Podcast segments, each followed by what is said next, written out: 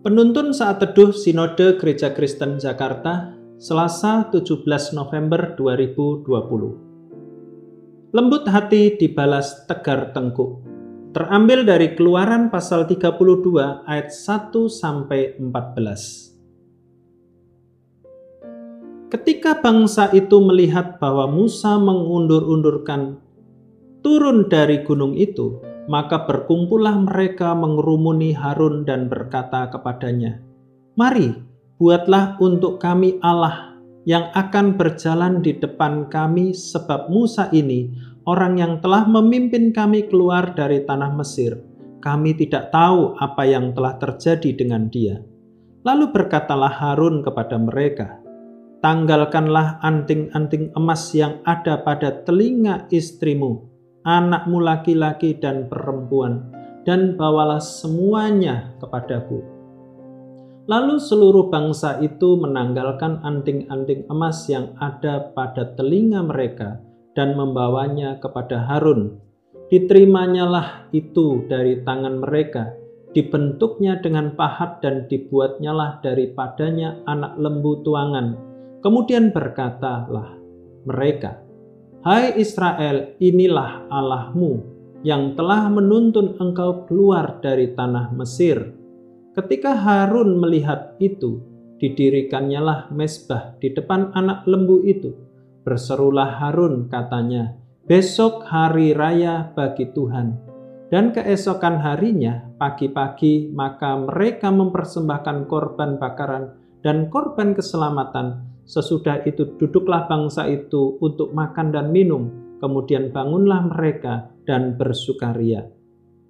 Berfirmanlah Tuhan kepada Musa, "Pergilah, turunlah, sebab bangsamu yang kau pimpin keluar dari tanah Mesir telah rusak lakunya. Segera juga mereka menyimpang dari jalan yang kuperintahkan kepada mereka. Mereka telah membuat anak lembu tuangan, dan kepadanya mereka sujud menyembah dan mempersembahkan korban sambil berkata, Hai Israel, inilah Allahmu yang telah menuntun engkau keluar dari tanah Mesir.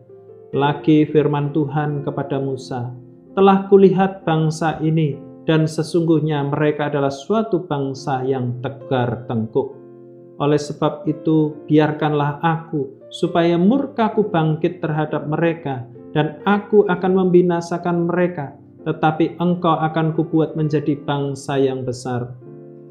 Lalu Musa mencoba melunakkan hati Tuhan Allahnya dengan berkata, Mengapakah Tuhan murkamu bangkit terhadap umatmu, yang telah kau bawa keluar dari tanah Mesir dengan kekuatan yang besar dan dengan tangan yang kuat? Mengapakah orang Mesir akan berkata, dia membawa mereka keluar dengan maksud menimpakan malapetaka kepada mereka dan membunuh mereka di gunung dan membinasakannya di muka, dari muka bumi. Berbaliklah dari murkamu yang bernyala-nyala itu dan menyesalah karena malapetaka yang hendak kau datangkan kepada umatmu.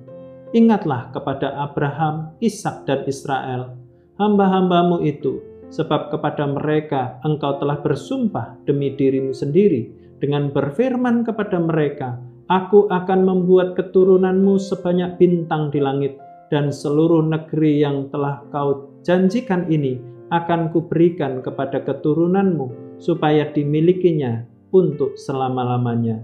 Dan menyesalah Tuhan karena malapetaka yang dirancangkannya untuk umatnya.